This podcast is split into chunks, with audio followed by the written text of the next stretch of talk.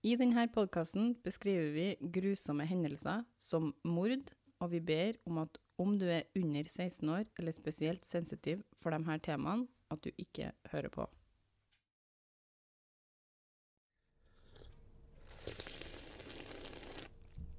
It's hot. Hot, hot, hot. Hva tok dere nå? Jeg vet ikke. Jeg tok Bare- akkurat det samme som jeg hadde. Det er en uh, intens mint oppi her òg. Nei, bare Forest Frigg. Du fikk det samme. Jævla god, den nummer to. Nei, men jeg tok to sånne oppi. Martine bare, ja, den var skikkelig god. Jeg sa jo det, men jeg tror jeg har tatt det samme. Men jeg tok sånn, to sånne oppi. Du kan få inn posen min hvis du vil. Nei, jeg vil ikke ha Nei, slutt da.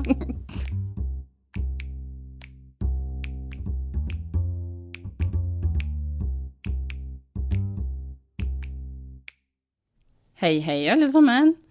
Vi har en liten pause klar for dere nå. Dere hører på meg, Maria og søstrene mine. Andrea Martine. og Og Martine. Martine. Og Martine.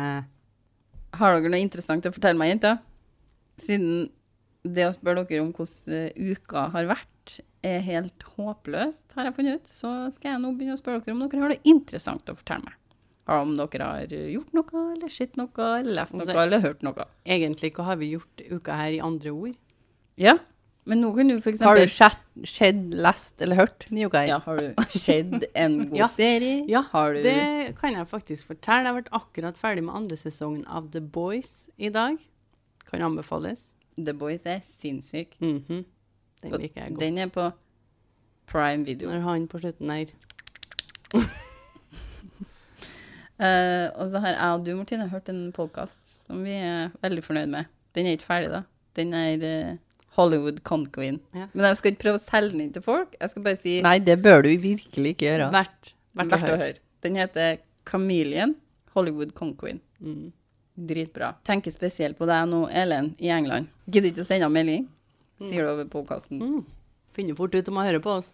Um, Enn du, Andrea, har du hørt, lest, sett? Nei, jeg har jo vært sykmeldt en hel uke, og Så da har du hatt tid til å se masse. Mm. Nei, jeg har ikke skjedd så mye, altså.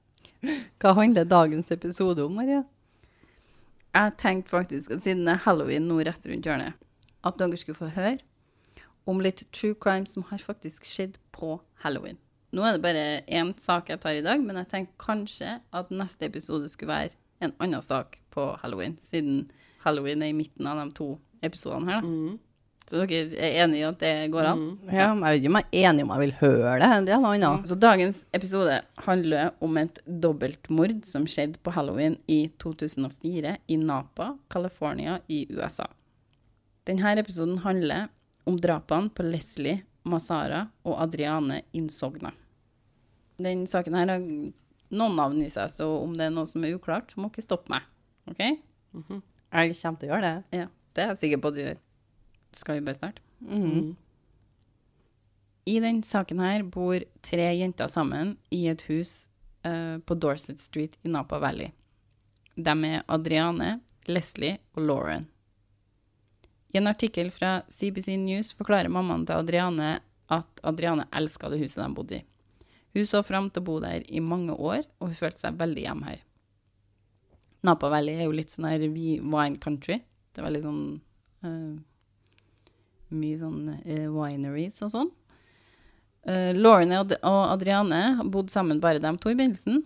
Adriane var 26 år og en ingeniør fra Napa sanitærsdistrikt, som jeg forstår er dem som har ansvaret for kloakk og vann osv. i bydelene.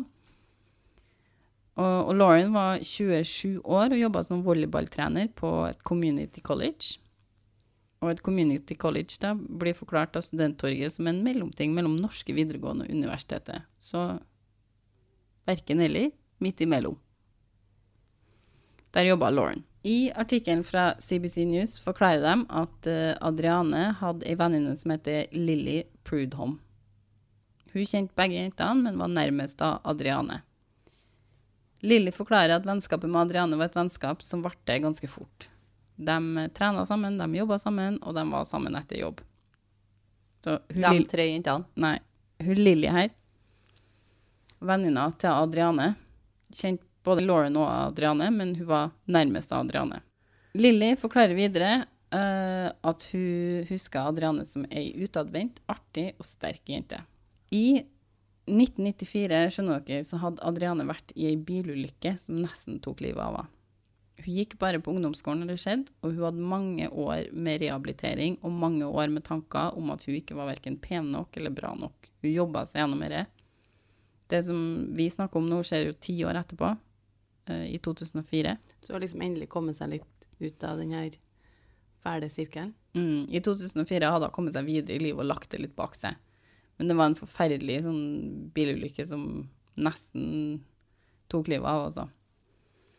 Leslie, jente nummer tre. Hun var ei jente fra South Carolina, Sør-Carolina. Og hun var ei tidligere beauty queen. Veldig pen jente. Hun flytta til Napa Valley i 2004 for å være nærmere mammaen sin. Hun ble forklart som ei trivelig og glad jente, og hun spredde latter uansett hvor hun var og hun jobba på en vinplass i nærheten av Rutherford, som ikke var så langt unna der de bodde. Lauren og Adriane bodde jo sammen, mm, og de leide jo seg det her huset på Dorset Street, men de trengte en tredje person til å flytte inn med dem for å ha råd til den leia her. Så Leslie, når hun flyttet til Napa Valley eh, i 2004, etter å ha gjort det slutt med kjæresten sin, så flytter hun inn sammen med jentene. Og ifølge en artikkel på Sword and Scale så kom jentene veldig godt overens, og de likte å bo sammen. De syntes det var veldig koselig å ha noen å være sammen med og kunne dele plassen sin, men også ha muligheten til å dra på rommet sitt da, for å være der når de trengte litt alenetid. Så de trivdes veldig godt. De var jo ganske, de var jo ikke sånn kjempeunge, de var jo 27-26 år. Så jentene var veldig gode venner òg, da. Ja. Trivdes veldig godt i hverandre sitt selskap. Uh, hun Lilly der, hun Adrianes venninne, hun var ofte på besøk til dem. Og Lilly og Adriane hadde begynt å planlegge en tur til Australia sammen. Fordi Lilly hun hadde egentlig vært uh, forlova med en som het eh, Eric Coppel, som hun var litt sånn av og på med. Og hun hadde da brutt forlovelsen sin med han bare kort tid tilbake, så jentene drev og planla en liten tur til Australia sammen. Den 31. oktober i 2004 hadde jentene delt ut godteri til knask- og knepungene hele kvelden, også på halloween. Jeg har eh, litt høy puls, kjenner jeg. Det er superubehagelig. De var alle tre hjem, og alle tre gikk til sengs i ellevetida. Lauren hadde soverom i første etasje, og Leslie og Adriane hadde soverom i andre etasje. Lauren, hun som hadde soverom i første etasje, altså, ble vekt i totida av noen lyder i huset. Mange av kildene mine sa hun våkna av seg sjøl, men Forensic Detective, som hadde en episode på YouTube som jeg så, om de drapene her, sa at det var hunden til Lauren som vekta ved at okay, den begynte å knurre midt på natta. Hun hadde en hund. Mm, de sier at hun har en hund med seg på rommet sitt. Og den, den begynner å knurre, og det var derfor hun våkna. Så hun våkna jo litt av seg sjøl, da. Bare, Ja, altså Hun våkner jo i totida uansett. ja. Og det var ingen som var borte, ja, liksom. Nei. Lauren hun sniker seg ut av rommet sitt, egentlig ganske sikker på at det er en av de andre sine kjærester, eller en av de andre jentene sine kjærester som har kommet inn eller skal, har vært på fest, eller jeg vet ikke. Hun tenker at det er en av dem. Hun tenker ikke at det er så veldig mye mer enn det. Ja, nå blir jeg stressa, altså. Men så hører Lauren et høyt skrik. Et skrik som går inn i margen hennes. Og så springer hun opp trappa før hun hører at det er noen som er på vei mot trappa i full fart. Så hun springer ned trappa igjen og ut i hagen. Hun gjemmer seg i Jeg hagen. må bare spørre om noe. Bor de i en sånn leilighet? Ikke et leilighetskompleks, liksom? Eh, De bor i et hus. Et lite hus, vil jeg si. Ja. Jeg ser for meg et sånt hus med en sånn lang trapp, og så er det liksom gang Så de, det er ikke en leilighet, liksom? Det er Nei. Ikke, nei. De har to, etasjer. etasjer, og så har de utgang til hagen. Ja, så hun har hage, liksom? Mm. Ja. For hun springer ut i hagen. Mm. og så gjemmer hun seg der. Og hun ligger helt stille, og hun tenker liksom Han kommer til å finne meg her. Altså, hva er, har jeg liksom gått rett inn i fella her? Har jeg lagt meg Han kommer liksom bare til å komme og ta meg, liksom. Så hun tenker at det er en han som bare tar folk? Så han, liksom. Nei, hun gjør egentlig ikke det. Hun bare merker at det kommer noe mot seg? Ja. Ja, Hun har det, en følelse av at det det her det stemmer ikke. Og Her er ikke her for å være, være hyggelig, liksom. Nei. Og hun er skikkelig redd for at hun er fanga ute i hagen her. Fra der jeg ligger, da, så hører jeg at noen klatrer ut av kjøkkenvinduet, før denne personen bare springer fra huset. Lauren bestemmer seg, som jeg tenker er modig som faen, da, å gå inn i huset igjen for å sjekke de to andre. Ifølge ei hjemmeside som, hadde, som har en tittel som heter 'Here's the fucking twist', som skriver om saken her, da, så finner Lauren først Leslie i døråpninga til rommet sitt, liggende på magen i en dam av blod. Lauren finner så Adriane gjemt bak Leslies i seng, men i live. Oh. Men hun blør sinnssykt mye fra mange stikksår. Lauren springer selvfølgelig da og prøver å ringe 911 fra telefonen.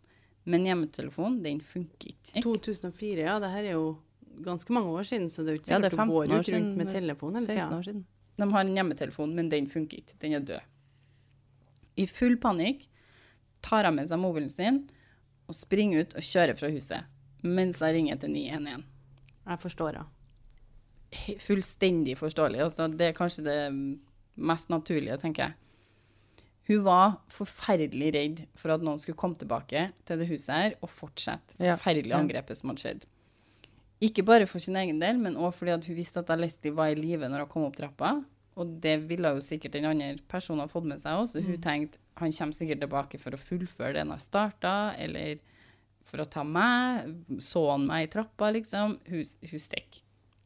Forståelig nok. Jeg forstår at hun, hun gjør jo alt hun kan med å ringe. Det er ikke så mye mer hun kan gjøre akkurat der og da uansett. Og det er et opptak av Når hun ringer. når jeg ringer òg, faktisk, men uh, jeg har ikke med det. Ambulansen kom fort fram til Dorset Street, ifølge Medium sin artikkel. Begge jentene hadde blitt knivstukket veldig mange ganger. Leslie var allerede død, og Adriane døde ikke lenge etter ambulansepersonalet ankom det huset. Under etterforskninga finner politiet tre røykstumper utafor huset. To utafor fronten på huset og én røykstump i hagen. Så han har mest sannsynlig vært der en stund. Det er teorien deres. Det er ingen av jentene som røyker, så de bager jo det her og tenker at, ja, at han her hadde stått utafor ei stund og faktisk røyka før han gikk inn. Nå kan jeg spørre om det jeg syns var litt sånn snedig, da. Hun som lå på nederste etasje, så han har gått forbi rommet hennes. Uh, ja, jeg vet ikke helt hvordan den layouten på det huset her er, men ja. Altså, han har ikke vært i nærheten av hennes rom. Så de, vet, så de kjenner den personen her. Og, Det vet de jo ikke. De vet ikke Nei. hvem det er, og de men han må jo vite hvor soverommene er. Ja, det er ikke sikkert. Virker Nei, jo litt men som altså- han har stalka dem litt òg, da. Ja, jeg tenker det, da. De visste, at de visste hvem de var. Kjente dem. De finner også blod fra en annen person enn jentene på åstedet. Blodet er på høyre side i trappeoppgangen deres, så teorien er at morderen har skåret seg når han angrep jentene, og derfor mistenker de at morderen er høyrehendt. Begynner å samle litt bevis, da. Røyker og er høyrehendt. Det er jo noen av dem, da. Ja. si det. Men her har du DNA, da. Ja, men DNA tar tid. Ja. Det er liksom, De samler DNA, men Ja. det er ikke det og de DNA er vel ikke på sin topp her ennå. Nei, og de er ikke sånn de er, de er fin DNA, og de er liksom, Ja. her har vi DNA, men de er også sånn, dette kommer til å ta jævla lang tid. Ja. Lauren kunne ikke beskrive personen som hadde forlatt huset, for hun hadde vært altfor redd for å prøve å få et glimt av hvem det var når hun lå i hagen og gjemte seg. Forståelig. Naturligvis. Ja, forståelig nok. Lauren ble hjemsøkt av det som hadde skjedd.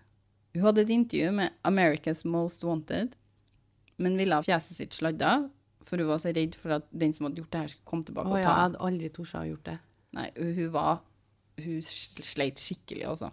Det var altså, Det er jo forståelig nok. Ja, finn vennene dine, sånn som dere er jo ikke akkurat noe Nei, Nei. Og så har du en følelse av at de kanskje, at de kanskje ikke gjorde seg ferdig.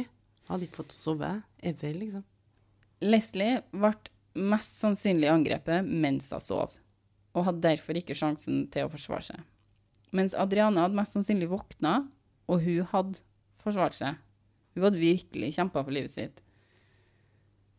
Og det her sjokkerte jo selvfølgelig det nabolaget her. Det var et rolig nabolag. De hadde ikke hatt et drap på Noen sa to år, andre kilder sa fire. Så en to, tre, fire år siden det hadde skjedd noe, noe drap. Det var en rolig nabolag og stille og fredelig. Alle naboene likte jentene veldig godt, men folk var redde. Lilly, venninna til Adriane, forklarer i et intervju med CBC News at folk begynte å prate om at kanskje jentene var involvert i noe rus, eller om de skyldte noen noe penger. Men det her var ikke sant. Det var liksom de, de teoriene folk trodde mest på. Politiet sjekker ut mange folk. Blant dem var Leslie sin av- og påkjæreste Christian Lee, som bodde nede i gata.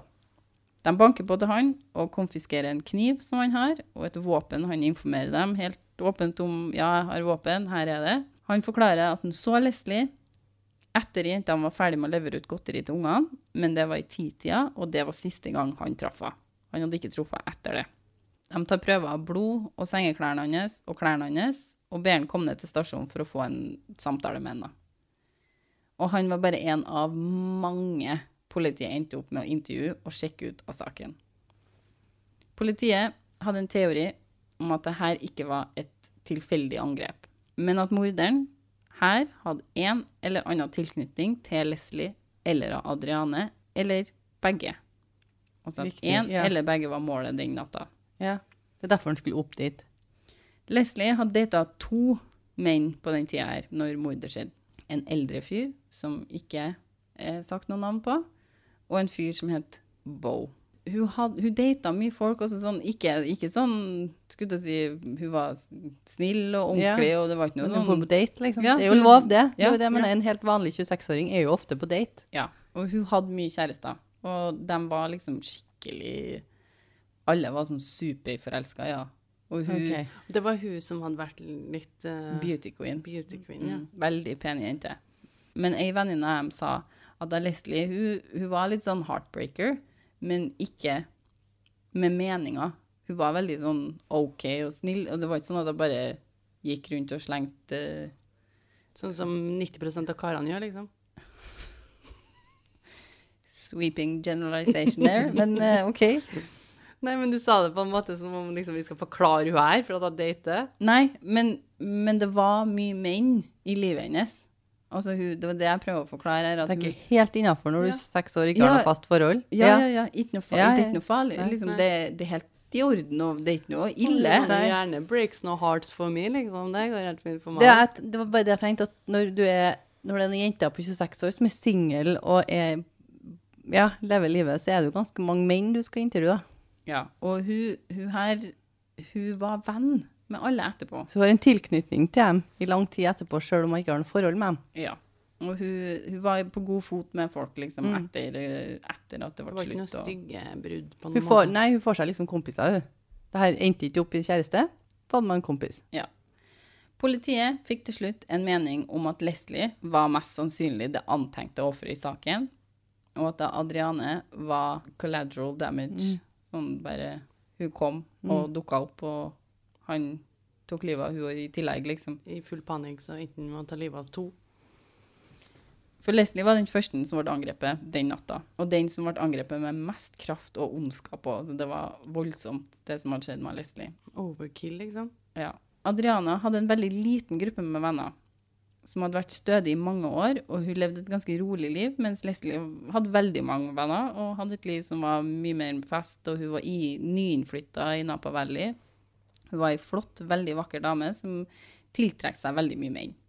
Ifølge Forensic Detective-episoden på YouTube så var faren til en av eksene til Leslie veldig plagsom. Faren til eksen. Ja, veldig merkelig. Han drev og ringte og styra altså, før jeg flytta til Nepa Valley, og han fortsatte etter hun hadde flytta òg. Drev og ringte. Han ringte faktisk til og med den natta mordene hadde skjedd. OK. Det er litt spesielt. Det makes you feel guilty.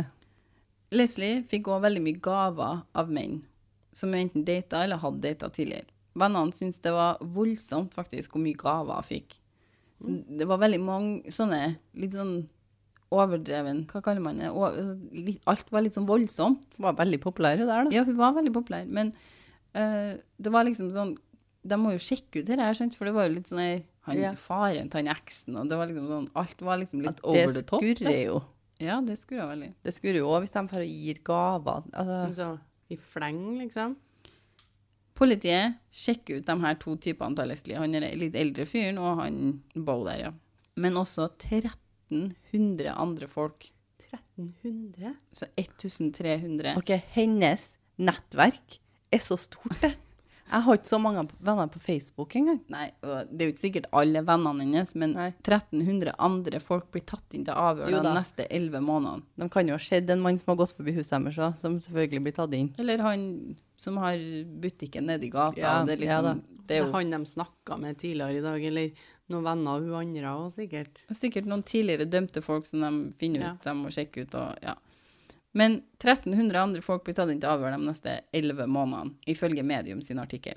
Videre i den artikkelen står det at politiet tar DNA fra 218 stykker. Men de står helt fast. De finner Ikke, noe Ikke. match, ingenting. Nei, og de har ikke så mye å gå på. Men en rø rø høyrehendt røyker, Jo, men det var litt blod, og det er jo spytt på røyken. Men de finner jo ikke noe match. Nei, da er det jo til å gå på. Så i september i 2005, så nesten, eller 11 måneder etter da, forklarer politiet at de har matcha DNA funnet på sigarettstumpene til blodet som ble funnet inni huset. Mm. Så nå er de helt sikre på at morderen Det- sto utenfor huset og røyka før han eller hun, da, som de sier, gikk inn i huset. Det tok lang tid. Ja. Det her er når de forklarer at de har matcha det. Okay, så de kunne ha hatt det en stund uten å ha sagt det. Okay. De begynner å se nærmere på røykstumpene de fant. Og de finner ut, ifølge Medium sin artikkel, at røykstumpene var av merket Camel Turkish Gold.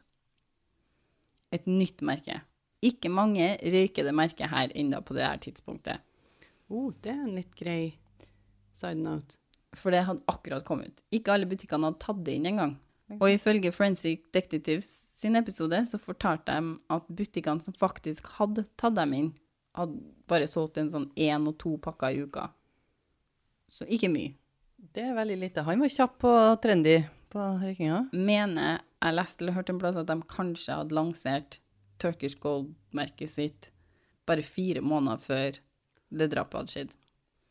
Så det her er jo sikkert en, eh, av min mening, da, en ung gutt som prøver nye ting. Så de håpa jo det her skulle hjelpe dem å snevre søket da, til å finne morderen. Politiet følte at de leita forgjeves. De følte at det her var den klassiske nåla i høystaken, rett og slett. De sto fast. Beboerne i nabolaget var veldig investert i å få tak i denne personen, og de la sammen pengene sine og utlyste en dusør på 100 000 dollar til den som kunne komme med informasjon som leda til en arrest og en dom i saken. Og det her var communityen. Altså, Mm. Folk la sammen. Det er jo en million kroner, så det er jo litt. Nå har de holdt på et år.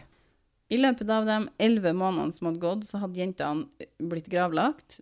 eh, Og Lilly, hun venninna til Adriane, hadde gifta seg i februar. Hun endte opp med å gifte seg med han eh, forloveden hun hun hadde egentlig brutt forlovelsen med. Adriane og Lilly hadde jo planlagt en tur til Australia, fordi hun hadde nettopp brutt forlovelsen sin, og liksom, ja. Uh, han het Eric Coppell. Det er jo hun. Oh my god. Hva er han sur på for at hun Maria, Fordi at, fordi at de skulle reise bort, at det er hans skyld for at det ble brutt, og nå må han kvitte seg med hun for å gifte seg med hun her, liksom. han her, han røyker i bryllupet sitt. Det skal jeg love deg. Mammaen til Adriane sa et dikt i ære for Adriane i bryllupet deres. Lilly og Adriane hadde vært veldig nære venner, og det føltes naturlig for dem at mammaen hennes gjorde det her i bryllupet deres. da. Så han var god venn med han Erik, da, eller? Ikke Erik, men Lilly og Adriane var veldig Ja. gode venner. Og Erik hadde vært på besøk til dem i, det, i Dorset-huset og sånn, han òg, altså. Riktig, så han visste hvor, Ja, vi vet at han har vært på besøk. så han visste hvor det gikk opp trappa hen. Hvor mange ganger har han vært her? To ganger? Trengte jo ikke noe mer enn det. Det var å finne ut hvor Eller var det bare den ene gangen? Det sto noen gang. Når politiet blir litt støkk, for de vet jo ikke så mye, bare at merket på denne røyken, og at morderen muligens er høyrehendt, da, så tar de kontakt med noen som har utvikla en metode til å bruke DNA for å finne ut mer om et menneske sine fysiske trekk. Mm, det er litt spennende. Ja, det er jo dere 23andMe og alle de der selskapene vi hører mye om nå. Ja, men øh, de lager jo en sånn sketsj. Han finner ut at morderen var hvit mann. Han hadde blå eller grønne øyne, hadde mest sannsynlig lyst hår. Politiet holder en pressekonferanse og forklarer hva de har funnet her, da. Altså, det her er en Å, herregud, stakkars han Erik, han må stresse nå. Politiet spør Lauren om ikke hun kan tenke seg litt godt om og skrive en liste til dem over de folkene som hun kjente i omgangskretsen til Leslie og Adriane som røyka. Så kanskje det kunne hjelpe dem å snevre litt inn på noen folk her. Hun, bare, hun hadde nå tenkt på dem i omgangskretsen som var røykere, forteller politiet at den eneste personen hun kunne komme på var røyker, var han Erik, mannen til Lilly. Og Erik hadde blondt hår og blå øyne. Før politiet fikk gjort så mye med denne informasjonen her, så kom en Erik og meldte seg på politistasjonen. Oi. Den 27. september i 2005 meldte Erik seg til politiet og tilstår å ha drept Leslie og Adriane. Oi, han tilstår. De matcher en Erik til både røykstumpene og blodet inni huset. Hvorfor tilstår han plutselig? Han skjønner sikkert at nå begynner det å bli trangt rundt den. Motivet for drapene er dessverre ikke kjent. Men dem kan vi jo prøve å tenke oss. Erik klarer aldri å forklare hvorfor han gjorde som han gjorde. Han sier at han, han led under en depresjon, og han forklarer at han hadde vært deprimert og suicidal siden han var ungdom, og at han ikke kan forstå hvorfor han har gjort noe så grusomt som dette. Verst er at han ikke engang hadde møtt Leslie før det her skjedde. Leslie ble jo drept først, Nei. da. Og ifølge ifølge ja. Medium sin artikkel, som jeg sa i stad, så ble Leslie den første som ble angrepet, og der av politiet tror at det var hun som var ment til å være Ja. offeret. Men nå skjønner de jo at det var bare Erik som tok feil av rommene og drepte feil jente først. Hva? Jeg, jeg, jeg bare tenker at han følte at hun, Adriane sto litt i veien for at, eh, at han føler seg rett og slett trua av Adriane og Lilly sitt forhold. da. At han føler at han ikke får, uh, for seg sjøl. Og Kan jo være at hun Adriane har sagt bli singel, og vi kan dra til Australia og leve livet. Så føler han kanskje at Det kan jo være at hun rett og slett fikk en uggen følelse av Det en fyr kan der, jo også være. og sa mm, 'tror du kan gjøre bedre', Mm, dumpen, liksom. mm. Jeg vet du kan gjøre bedre. Ja. Og nå vet vi i hvert fall at han hun kunne ha gjort mye bedre. Men teorien om motivet er at en Erik ga Adriane skylda for at forholdet hans til Lilly ikke fungerte. Han mente at hun drev og sa liksom det her er ikke noe å samle på. Liksom, hallo? Og han var jo, han var jo Det her er teorien. Han sier aldri det her. Nei. Det her er Det deres her er det teori går ut om det. Men han var jo ikke det. Han var jo ikke noe å ta vare på. Nei. Uh, men han gir hun skylda for uh, Adriane skylda for at Lilly bryter forlovelsen deres. Og den natta de, de her mordene skjer, så treffer han henne, eh, han Erik treffer Lilly på en fest, der han prøver å liksom patche ting litt opp her, og litt sånn her, vi må sette en ny dato, liksom kom igjen, vi skal gifte oss. Og hun sier nei, jeg skal liksom drite i det her. Jeg skal til Jeg skal til Australia. Australia med Adriane. Ja, ikke sant? Og han drikker og drikker og drikker, og ender opp Men så evil som du kan Ja, få det er det. liksom. Helt klart. Helt groteskt. ja. Ubeskrivelig. den her følelsen av at Adriane sto i veien for henne, skapte et sånt raseri i han at han måtte fjerne det, her hinderet da, i gåseøynene her, i forholdet sitt. Sword and Scale sin artikkel forklarer at Erik eh, hadde tilstått Thea Lilje først, og familien sin, om at det her er det det som har gjort. Jeg er morderen her. Han tilsto for at han var sikker på at de kom til å finne ut at det var han som hadde gjort det uansett, for at de hadde så mye info om morderen. De hadde jo pre pressekonferanser om det her utseendet hans, om røykemerket. Ja. Familien og kona Lilly overtalte han til å gå og melde seg til politiet. Gud, tenk deg hvor grusomt det må være, da. Mm. Mannen bare Du, forresten, du husker du venninna di? De to parene. De to jentene. Det var det meg som tok livet av. Han Erik han har jo da tilstått de drapene her, og han får en plea deal i desember i 2006, som lot han slippe unna dødsstraff om han sa seg skyldig. I straffeutmålinga så kunne han ha blitt dømt til døden, Ja, men gjør det. fordi han sier seg skyldig, så slipper han, og, eh, slipper han unna det. Uh, han ble dømt til livstid i fengsel uten mulighet til prøveløslatelse, og sa fra seg retten til å anke saken sin i denne plea-dealen. Han forklarer at han kvitta seg med kniven han hadde brukt, og den finner de aldri. Og han hadde brent klærne han hadde på seg den natta. Ok, Så ganske gjennomført. Ganske godt gjennomtenkt. Napa Valley Register rapporterer at under dette rettsmøtet så sier Lilly følgende. In the days before he confessed, I knew something was terribly bothering him. I told him, Eric, there is nothing in this world that you can do to make me, make me love you less. Those words are just as true today as they were that afternoon. Ok. Nei. Tuller du med meg? Er jeg redd hun skal bli nestemann, eller? Nei, jeg vet ikke, Jeg har noen livstid i fengsel. Jeg tenker det er en god mulighet til å bare si Eric, I'm out. Det Ja. er det. I Men want a fucking divorce. Men det var jo ikke Jeg vil aldri se deg igjen. Hvis han var usikker et år før, da skulle ikke ha gift seg med ham. Et år etterpå så, skjer det, så innrømmer han at han har drept to mennesker, men da skal han aldri slutte å elske ham. Nei, hun, det, jeg skjønner ikke noe med det egentlig, men hun, hun forsvarer ham litt med at han, han hadde vanskelig, og han var er Han angrer angra, han, rett og slett. Ingenting som kan forsvare det der. Erik hadde vært i begravelsen til jenta nå. Og Eh, der hadde han ingenting å gjøre. Nei. Og han skreik og sleit med å snakke når han var på rettsmøtet sitt for å få dommen, da, når de skulle forklare plea-dealen hans. Og, og i tilståelsesavtalen var det inkludert, som jeg sa tidligere, da, at han kunne ikke få prøveløslatelse. Ingen anke. Men han sa fra seg også retten til å tjene penger på den historien her. Han fikk ikke lov til å snakke med noen om det, om, liksom om det som hadde skjedd, bortsett fra familien sin. Han kunne ikke snakke om det han hadde gjort til rapportere eller folk som tenkte å skrive bok. Eller dokumentarer. Ingen verdens ting. Han fikk ikke lov å tjene penger overhodet. Napa Valley Register forklarer at om han skulle bryte den delen av avtalen, så skulle all fortjeneste gå til Cavalry Home for Children i South Carolina og If Given a Chance Foundation i Napa, som var veldedigheten da, som ble valgt av familien til ofrene.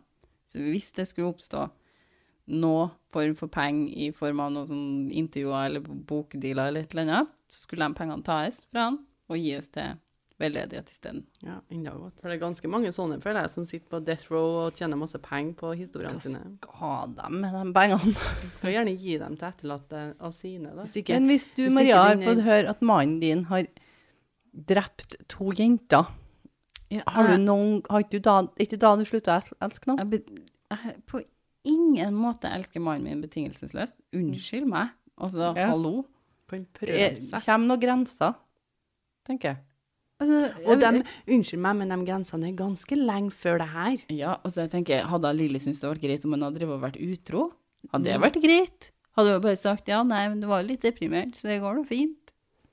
Hvem tillater at det liksom er Ja, greit at du har Jeg, Den tuller jeg nå da, men jeg sier det er en grense, og det tenker jeg er langt unna den grensa. ja. Du slutter å elske dem da.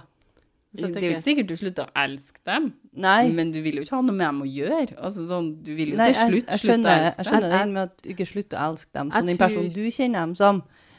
Men når du får vite en så mørk hemmelighet fra mannen din, så slutter du Så er du ferdig med dem, Ja. i hvert fall. Jeg tror at når du får høre noe sånt, så slutter du å elske dem òg. Det, det er ikke den personen du gifter deg med, det er ikke den personen du har vært sammen med.